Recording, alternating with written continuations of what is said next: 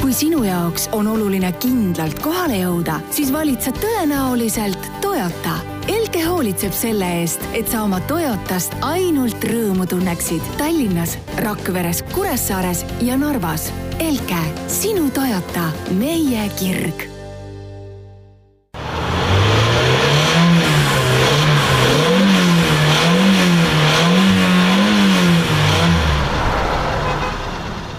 tere, ilusat kolmapäeva hommikut, istmesoojendus on jälle siin ja, ja täna on äh, minu Jan-Mattias Mandriga siin äh, saates Uku Tampere. tere hommikust! aga see ei ole kõik, sest et äh, lisaks on meil täna saates Elke Mustakivi tegevjuht Raido Rosenfeld, kes räägib meile natukene Toyotast ja Toyota hübriidajamitest. et Elke on siis meie saate uus toetaja. millest me veel räägime, on biokütustest, et Uku on siin äh, suuremaid eksperimente läbi viinud äh, Neste sajaprotsendilise taaskasutatava diisliga. räägime ka Ford Mustang E-Macist, mis on siis äh, Mustangit meenutama pidav elektriauto ja, ja Ülle on natukene enda teemasid ka sisse visanud, kuigi ta ise siin stuudios ei ole, et äh, kaks meest peavad arutama maailma naiste aasta auto üle. et äh, vaatame, kuidas, kuidas, äh, kuidas need naiste valitud autod meile meeldivad ja, ja nagu öeldud, siis hübriidajamitest tuleb juttu ja, ja nipinurgas on meil selline teema nagu mootori temperatuuri anduri kontrollimine, et see on siin selline äh, talviselt juba väga oluline teema tegelikult termostaadi kontrollimine. ohoh, et ja. äh, näed, et siin on juba, juba on terminid sassis ja kõik, ühesõnaga sellest räägib Uku meile natukene hiljem täpsemalt.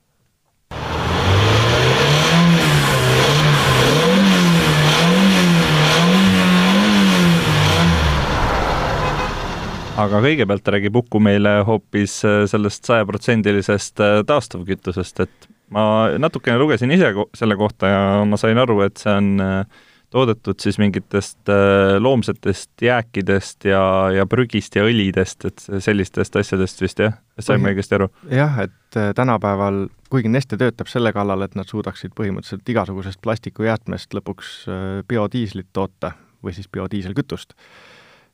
siis tänapäeval on see veel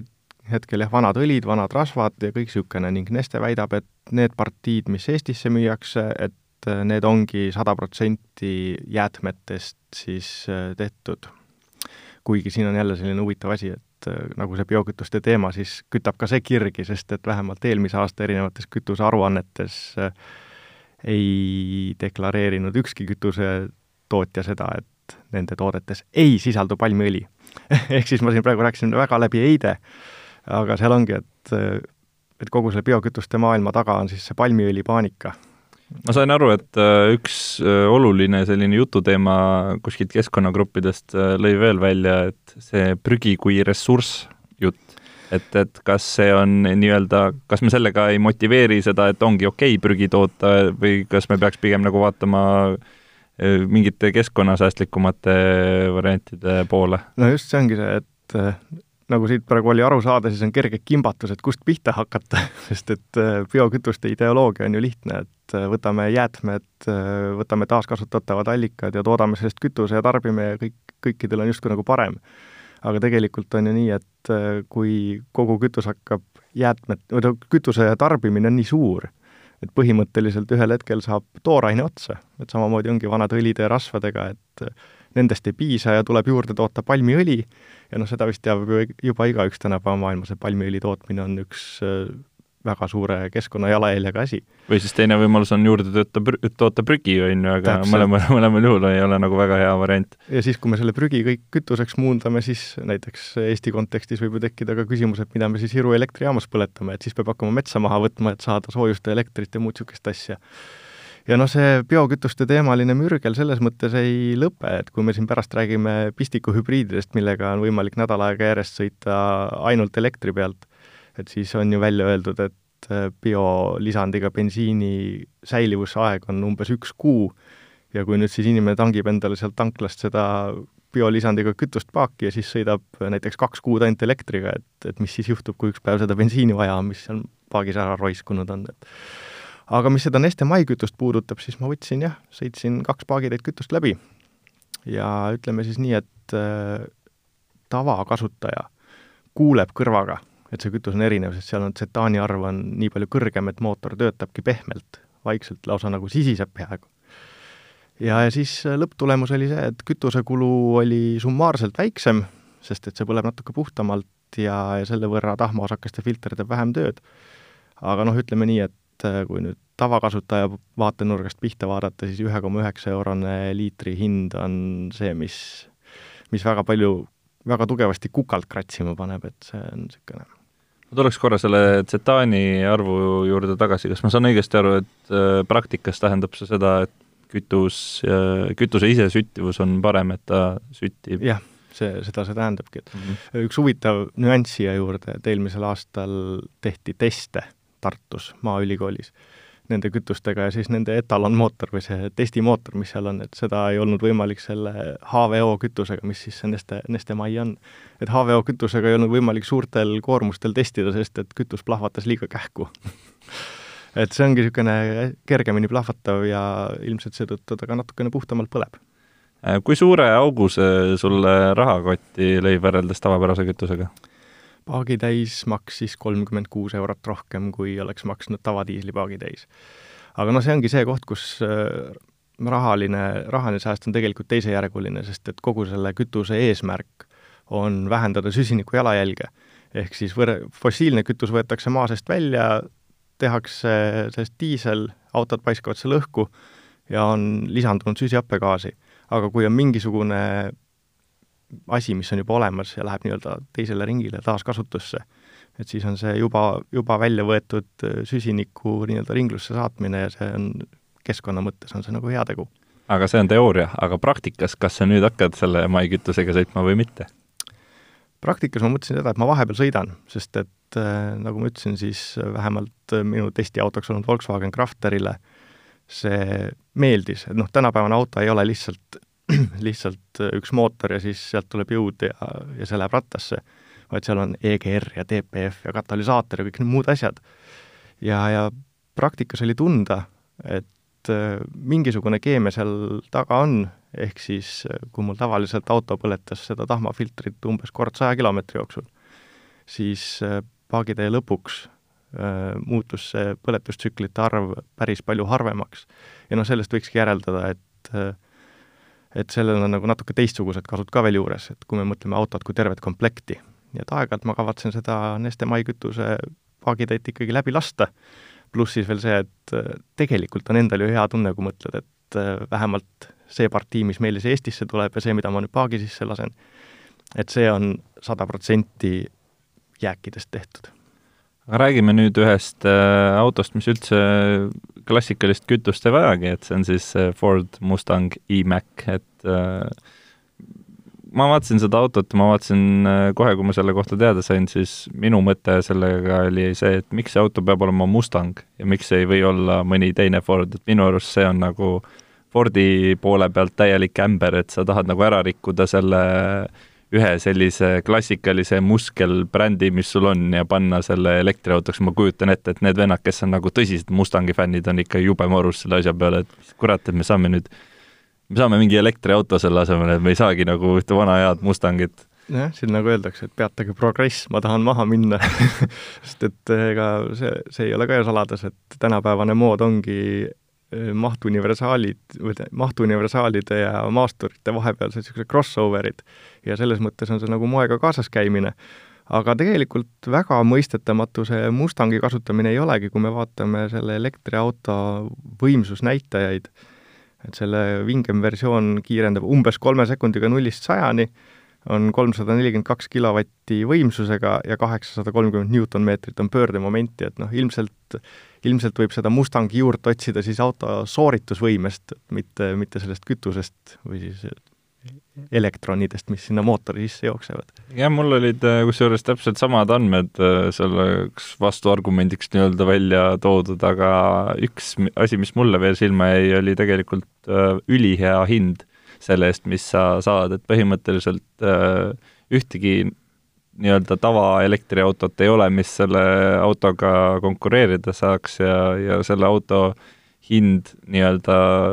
listijärgselt on kuni kuuskümmend tuhat eurot, et see mm -hmm. ei ole midagi ulmelist. et kui ta hakkab neljakümne juurest, siis see on võrreldav näiteks Hyundai Konaga, kusjuures ka välimuse poolest ju natukene võiks olla.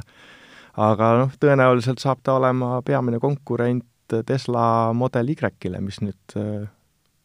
umbes samal ajal peaks müüki jõudma kui ka seesama Fordi Mach-E Mustang.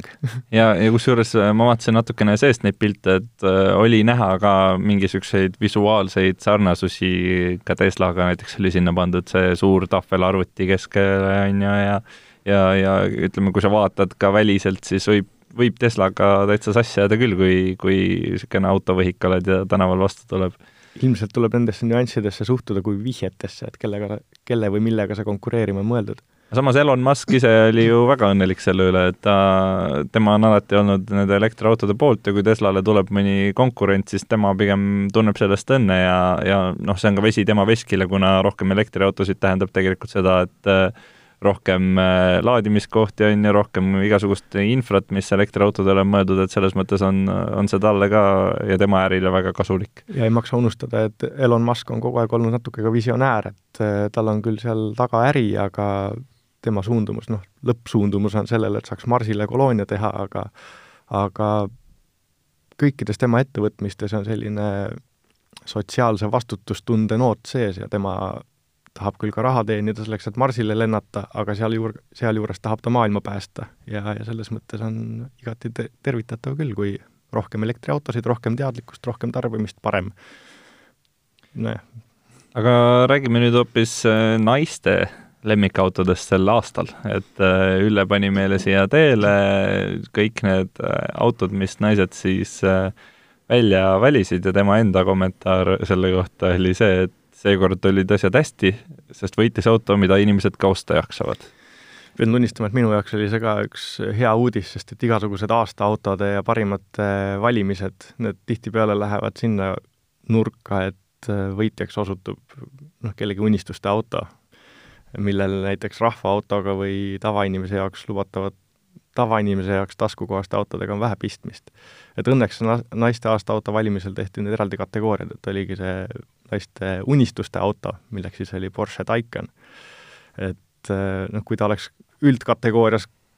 võitnud, siis jääb alati selline kehva mekk juurde, et kuulge, et mis rahvaauto see on või mis naiste auto see on, et kui seda nii vähesed osta jaksavad. pluss siis on veel see asi ka, et äh, autod on ju tegelikult ka erinevad, et et äh, kallima auto saab loomulikult parema varustusega teha, mugavama, vaiksema ja nii edasi aga see ei tähenda siis, no ühesõnaga on ebavõrdselt pinnalt on need võrdlused ja selles mõttes on hästi hea uudis, et seekord on naiste aasta auto niisugune maalähedane. aga ma loekski siinkohal ette siis kõik need kategooriad ja, ja nende võitjad, et äh, aasta auto tiitli sai siis äh, Mazda kolm, mis sai ühtlasi ka parima pereauto tiitli äh,, parimaks linnaautoks valiti Kiia Xceed, X-Ceed siis parimaks ökoautoks Kiia Soul siis elektriversioon ja parimaks luksusautoks BMW kaheksas seeria, parim sportauto Porsche üheksa üks üks ja parim äh, maastur või crossover oli Range Rover Evoque. Äh, millist, millistega siit sina nõus oled, et? Äh, tegelikult on, ma olen kõigiga nõus kusjuures väga suur osa neist või tuntav osa neist oli esindatud ka Eesti aasta auto valimisel, et Eesti aasta auto esikuuikus oli Mazda kolm, X-Ceed ja Audi e-tron, BMW kolmas seeria ja siis veel Renault Clio ka. et eh, noh, nagu siitki juba tuleb välja, et eh, et see skaala on seinast seina, et Renault Clio ühes otsas ja Audi e-tron teises otsas, et siis eh, kuidas nende seast nagu ühte objektiivset Eesti aasta autot valida, eks ole, et Audi e-tron väga hea auto, Renault Clio väga hea auto ja hinnaerinevus on nii suur. aga jah, et millega ma nõus olen, ma arvan, et ennast korrates, et see on äärmiselt hästi, et niimoodi erinevad kategooriad tulid ja, ja kindlasti need kategooriate võitjad on sellised, mille, mille kohta mul ei olegi mitte ühtegi halba sõna öelda, et kuna nad sobivad sinna kategooriasse, siis kõik on hästi. ühesõnaga, Uku on siin kõigega nõus, aga nüüd teeme väikse pausi ja siis räägime juba täpsemalt hübriididest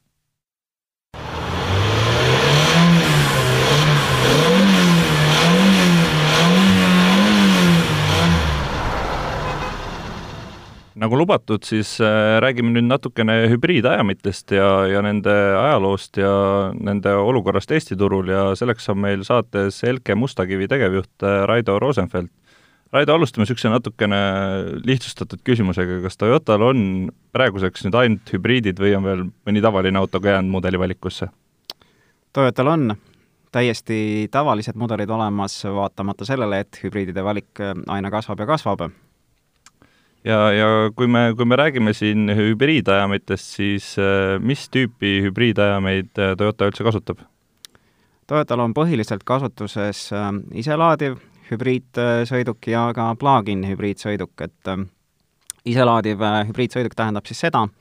et teda ei ole vaja ühendada vooluvõrku ja ta laeb ennast ise, siis kasutades ära liikumisel tekkivat energiat pidurdamisel ja, ja ka siis tavamootorist tekkivat energiat ja plug-in sõidukil on siis äh, suurem veoaku äh, ja, ja seda on võimalik siis eraldi laadida, tagades siis äh, sellise võimaluse, et saab linna, linnas sõita ja ka maanteel ainult elektrijõul kui me räägime siin iselaadivatest ja pistikhübriididest, siis kas on õige öelda, et näiteks pistikhübriidid on mõeldud pigem linnasõitudeks ja iselaadivad on sellised mitmekülgsemad masinad? ei, niimoodi öelda ei saa, et äh, iselaadiv hübriid on äh, mõeldud äh, absoluutselt linnasõiduks ja, ja ka maanteesõiduks ja igal pool kasutamiseks. Pistikhübriid äh, tagab äh, lihtsalt elektrijõul liikumise võimaluse pikematele distantsidele. ehk siis äh, arvestades tarbija sellist äh, keskmist äh, päevast äh, marsruuti ja läbisõitu, on võimalik plug-in ehk siis pistikhübriidiga teha see täiesti ainult elektrijõule aga iselaadiv hübriid, äh, tema siis ei vaja vooluvõrgust laadimist, tema laeb ennast ise ja, ja kõik äh, nii lühemad kui pikemad sõidud äh, saab sellega tehtud, et elektrile lülitub iselaadiv hübriid rohkem linnasõidul, kuigi uuema põlvkonna hübriidid on täiesti võimelised sõitma ka elektrijõul maanteel, nii et seal sellist piirangut ei ole mis see umbkaudne kilometraaž võiks olla, mis üks pistikhübriid selle nii-öelda laetud, pistikust laetud aku peal maha võib sõita? see sõltub äh, väga palju sellest, äh, milline on äh, juhi sõidustiil ja ka ilmastikuoludest, aga kui võtta aluseks Prius plug-in'i tehase andmed, siis see on ligi kuuskümmend kilomeetrit, aga jah, siin väga palju mõjutab juhi käitumine, et, et kas ta, kas ta näeb seda liiklust ette ja ta soovib nii-öelda foorist foorini äh, olla, olla esimene seal või, või ta kasutab nii-öelda seda, seda energiat natukene tõhusamalt ära? Kui me vaatame hübriidautode arengut, siis tegelikult on äh, viimase aastakümne jooksul näiteks ikka päris kõva areng toimunud, et äh, kui siin on räägitud sellest, et on tulnud äh, praegu uued hübriidid, millel on täiesti uued äh, hübriidajamid, äh, näiteks RAV4, Corolla ja Camry, siis mis need erinevused nende uute hübriidide ja vanade hübriidide vahel üldse on? hübriidide tööpõhimõte ei ole alates loomisest muutunud, loomulikult on muutunud kogu selle süsteemi efektiivsus, hübriidid Toyota puhul äh, läksid siis äh, masstootmisesse alates üheksakümne seitsmendast aastast äh, ning Euroopasse saabusid siis teise põlvkonna Priusega kaks tuhat kolm, et ütleme, see kogemus hübriidi tootmisel, valmistamisel ja, ja, ja hooldamisel on ikkagi Toyotal ääretult pikk mm. -hmm kui, kui me räägime Eestist ja hübriididest, siis äh, kas, kas Eestis üldse on hübriidauto populaarne, kas see on midagi sellist, mida inimesed tulevad spetsiaalselt näiteks esindusest küsima? tullakse küsima, äh, aga ütleme, see teadlikkus ei ole väga, väga suur muidugi, et väga tihti kuulen ka sellist küsimust klientide käest, et kuidas ma seda autot pean laadima, et millal ma selle vooluvõrku pean ühendama, et ei, seda ei pea vooluvõrku ühendama, et, et see laeb ennast ise. et ja, ja tehakse proovisõit, tajutakse selle kahe mootori nii-öelda koos toimimist ja, ja, ja väga, väga tihti need kliendid, kes on ühe korra valinud endale hübriidsõiduki, jäävad selle valiku juurde ka, ka tulevikus mis sa arvad, kas hübriid jääb äh, meil alles ka tulevikus või, või, või on äh, tulevik kõik nende uute täiselektriliste ja vesinikautode ja mida kõike iganes siin välja mõeldakse nende päralt? või on hübriid mingisugune selline vahesamm selleni jõudmisel? kindlasti elektriautod ja vesinikuautod tulevad, selles ei ole mingit kahtlust täna võib öelda seda, et, et äh, see tehnoloogia, äh, mis on, mis, mis kaasneb siis vesinikuautodega ja elektriautodega, on, on siiski kallis ja, ja ütleme, infrastruktuur on äh, puudulik, et see, see võtab natukene nagu aega. Hübriid on jällegi selline valik, mis on täna täiesti toimiv ja olemas ja ma ütleks, et ta on selline üleminekutehnoloogia just äh, kasutamiseks täna, et ei ole vaja oodata homset päeva ja, ja, ja saab nii-öelda need keskkonnasäästlikud äh, tehnoloogiad ju, juba täna kasutusele äh, võtta. ma, ma võib-olla korraks äh, räägiks sellest taustast üldse, et miks hästi palju sellest vesinikust ja, ja elektriautodest räägitakse, seda mõjutavad seadusandlikud regulatsioonid, ehk siis kaks tuhat kakskümmend üks jõustuv seadus, et kus keskmine CO2 kilomeetri kohta peab tootjatel olema üheksakümmend viis grammi ja selle normi täitmiseks siis kõik äh, tootjad kõvasti pingutavad. siin äh, võib öelda nüüd seda, et Toyota on tõesti sellises eelisseisus ja, ja, ja see eesmärk äh, on täidetud, ehk siis läbi just nende samade hübriidsõidukite on see CO2 norm täidetud. sa puudutasid siin põgusalt ka juba hinda, kui me räägime näiteks äh, plug-in hübriidide või äh, nende tavaliste iselaadivate hübriidide hinnast, siis kui me võrdleme seda sisepõlemismootoriga, kas sa, kui suured on need hinnaerinevused, kui palju näiteks maksab üks äh, keskmine Toyota hübriidauto, ütleme Corolla? jah, hübriidide valik on meil ääretult lai, Euroopas on ja, ja ka meie salongides, Elke salongides on kättesaadaval kümme hübriidmudelit, kaasa arvatud siis äh, ka plug-in äh, mudel. Äh, Yaris on siis kõige väiksem auto, kõige väiksem mudel, et tema hinnad algavad seal ütleme, viieteist tuhande euro kandist ja, ja RAV4 puhul ütleme, kolmkümmend Corolla on seal kahekümne kandis. hästi palju muidugi seda hinda mõjutavad ka erinevad müügikampaaniad, et näiteks täna on meil juba alanud sellised äh, jõulupakkumised, et, et kus saab selle sõiduki täiesti soetada äh, sellise tavamootoriga auto hinnaga või isegi soodsamalt mm. -hmm. Et äh, on olemas hübriide igasse hinnaklassi jah, et iga inimene, kellel sõltuvalt rahakoti paksusest leiab endale midagi, midagi sobivat absoluutselt, alates siis väikeautost Yarisest ja, ja lõpetades siis maasturitega, eks Baltikumi ja ka Eesti populaarseim maastur RAV4 on saadaval samuti hübriidina Lux äh, sedan Camry, et, et ütleme siin äh, lei-, leiab igale maitsele ja igale vajadusele selle hübriidi. Aga nüüd äh, räägib Uku meile hoopis natukene oma eksperimendist Priuse plug-in'iga, et sa oled sellega mitu kilomeetrit siis maha sõitnud? me sõitsime sellega eelmisel aastal maha isegi vist ligi tuhat kilomeetrit ja meil oli niisugune tore eesmärk vaadata, et kas seda plug-in autot saab kasutada nagu elektriautot, ehk siis äh, Priusel meie suutsime ühe laadimisega sõita isegi peaaegu viiskümmend kilomeetrit. See oli sügisesed olud ja seetõttu nagu mõistetav. ja lühike vastus on see, et äh, nädal aega sõitsime nii, et auto pardakompuuter näitas kütusekuluks null koma null. ehk siis me ei pida-, et sisepõlemismootor läks ainult ühe korra korraks tööle ja seda ka enda vea tõttu, et et vajutasin valesid nuppe korraks. aga põhimõtteliselt on nii, et äh, igapäevased linnasõidud, laps kooli, mingi poodi, korraks kesklinna, siis koju tagasi, need loomulikult saab kõik elektriga ära sõita, aga ütleme nii, et äh, selleks, et seda mugavalt teha, siis peab ikkagi viitsima seda kogu aeg sinna pistikusse torgata, ehk siis käid ühe sõidu ära, pistad uuesti pistikusse ja me tegime isegi pikemaid sõite, et äh, Tallinnast Arukülla ja siis tagasi ja kui vaikselt venitada, siis venitasime ilma bensiinimootorita selle sõidu ära. kas te pidasite mingit arvestust ka selle üle, kui palju teil reaalselt selle laadimise peale aega läks? Äh, ei, sedasi eraldi ei pidanud, sest et äh, igal hetkel, kui auto oli koduhoovis ja pistik oli lähedal, siis, äh, siis ma pistsin ta pistikusse aga, aga, aga ütleme näiteks ma ei tea, sõprade-tuttavate poole minnes küsisid ka kelleltki, et kuule, kas ma saaks pistikule ligi, et tahaks auto korra sisse panna? seda me ei teinud. aga noh, põhimõtteliselt ütleme nii, et kuna laadija on autos kogu aeg olemas, siis noh, väga lühikesteks perioodideks pole mõtet panna, sest et seinakontaktist ammutab ta neid kilomeetreid ikkagi üsna aeglaselt. Kui ma nüüd õigesti mäletan, siis me suutsime tavakontaktist tunni ajaga saada kümme kilomeetrit juurde sinna seda sõiduulatust aga ühesõnaga, sa ütleksid siis, et äh, selline Tallinnas või äh, Harjumaal kuskil Tallinna ligidal elades on täiesti võimalik teha enda igapäevased sõidud kõik ära selle elektrijõul ainult? jaa, absoluutselt, ja, ja seal on kõige noh, sõiduulatus küll ainult elektrilisena väike, äh, nii-öelda tavalises mastaabis, aga, aga samas ei pea absoluutselt muretsema selle pärast, et nüüd kas see aku saab tühjaks ja millal see tühjaks saab, sest et ehk siis sobib ka natukene laisemale tarbijale, sest siis lihtsalt jätkub sõit bensiinijõul ja, ja selles mõttes väga mõnus, aga kui oled usin laadija, siis äh, ühesõnaga, nagu ma ütlesingi, et nädal aega, kogu nädala kilometraaž peaaegu oli,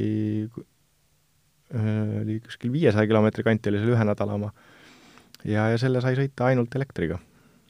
Raido, aga lõpetuseks räägime äkki natuke garantiitingimustest, et niisugune äh, võrdlemisi uus tehnoloogia ikka, inimesed võib-olla mõtlevad, et äh, kui kaua see kõik vastu peab ja, ja kui, kui kaua nagu äh, saab nii-öelda esinduse toel kõik mured lahendatud? no kui uus ta nüüd muidugi on, et, et Toyota puhul ta väga uus ei ole, et, et alates aastast üheksakümmend seitse,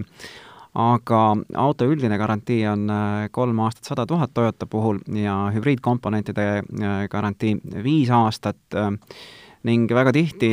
tarbijatest tekitab võib-olla kõige enam küsimusi, et, et kui kaua see aku vastu peab, siis aku garantii täna, mida meie pakume, on kümme aastat. ja ma lisaks siia võib-olla sellise lisainfo, et, et tuginedes äh, garantiistatistikale äh, on hübriidsõidukitega seotud äh, garantiijuhtumid äh, kõige, kõige väiksem, kõige harvem neid juhtub. et selles suhtes on tegemist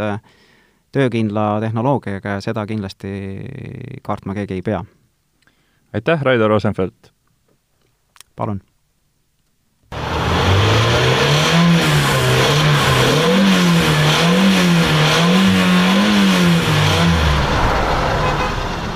Ja nüüd nipinurgas lubas meie termostaadi spetsialist Uku teha eh, paar, eh, paar sõna inimestele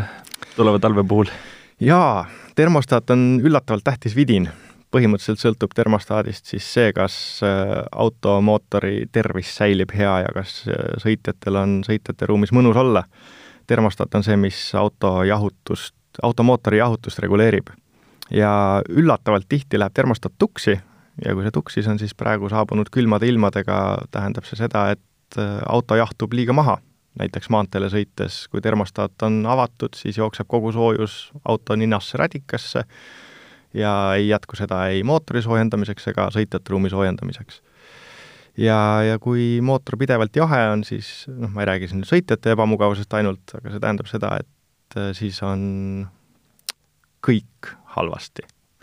ehk siis, kui väga pikalt sõita jaheda mootoriga, siis lihtsalt tapabki autot, kui niimoodi väga otse öelda. kuidas inimene aru saab sellest, et ta termostaat võib olla katki või et seda tuleks nagu mingi lisakontroll teha sellele? Äh, kõige lihtsamalt saab aru sellest, et no kõigepealt peab taustaloo ära rääkima, et kaasaegsed autod on nii ökonoomseks tehtud, et nad ei toodagi väga palju jääksoojust. nii et äh, alati, kui auto soojaks ei lähe, näiteks üks kaasaegne väikese töömahuga turbodiiselmootor, et see toodab nii vähe soojust, et seal on vaja lisakütteseadmeid, mida siis rahvakeeli tuntakse vebastona. kui seda ei ole, siis äh, näiteks miinus kümnest külmemate temperatuuridega ongi väga keeruline, kui mitte võimatu seda mootorit soojaks saada. aga kui nüüd ütleme nii, et kõik muu on nagu hästi ja üldiselt auto läheb soojaks, siis rikkist termostaadist saab kõige lihtsamalt aru nii, et et äh, sõidad mootori näiteks linnas soojaks, jõuab normaalse töötemperatuurini ja kui siis maanteele sõitma minna ja temperatuur langema hakkab, siis võib eeldada, et termostaat on avatud, kusjuures rikkis termostaat reeglina jääb avatuks, ehk siis jahutab liiga palju. siis võib kahtlustada, et on termostaat või siis täpsemini üks termostaatidest rikkis, et kaasaegsel autol on EGR-i termostaadid, jahutusvedeliku termostaadid, neid võib mitu olla ja nii edasi. ja, ja siis äh, teine asi on no see, siis on ühesõnaga tõenäoliselt termostat tuksis. ja kuidas seda veel saab kontrollida ja teada, on nii, et paned auto käima mm,, ootad natukene, näed, et te temperatuuri seier hakkab kerkima autol, millel see temperatuurineedik üldse on, ja siis, kui see temperatuur jõuab kusagil kuuekümne, seitsmekümne kraadi juurde ja kui sa siis lähed välja ja katsud auto ninas olevat radikat või sellesse radikus, radikasse minevat lõdvikut ja kui see on soe, et siis see kuuskümmend, seitsekümmend kraadi on selline temperatuur, mille puhul termostat ei peaks veel olema avatud, need avanevad äh, kusagil kaheksakümne teises pooles või üheksakümne alguses, need termostaadid. et siis võibki eeldada, et ta on avatud ja jahutab mootorit liiga palju. ja see on just probleem, millele peaks kiiresti sek-, millesse peaks kiiresti sekkuma. noh, üks asi on see, et kui ei ole soojust, siis on aknad udused, äh, sõiduohutus kannatab, endal on ebamugav olla, aga ennekõike ikkagi see, et äh, mootor töötab efektiivselt Äh, puhaste heitgaasidega siis, kui ta on saavutanud töötemperatuuri ja igasugune rike selles äh, termostaadinduses, see hoiab temperatuuri liiga madala ja kõik on halvasti. vot, selline lugu siis äh, termostaatide maailmast. ja kui ise kontrollida ei taha, termostaati ei oska, siis kui on vähegi kahtlus, et soojust ei jagu, siis lase üle vaadata, sest et see on halb. vot ühesõnaga aitäh teile kuulamast ja, ja loodetavasti on teie kõigi termostaadid ikkagi korras vähemalt äh, järgmise nädalani, sest et siis äh, saab juba kuulata uut istusoojendust. kui sinu jaoks on oluline kindlalt kohale jõuda, siis valid sa tõenäoliselt Toyota. Elke hoolitseb selle eest, et sa oma Toyotast ainult rõõmu tunneksid Tallinnas, Rakveres, Kuressaares ja Narvas Elke, sinu Toyota, meie kirg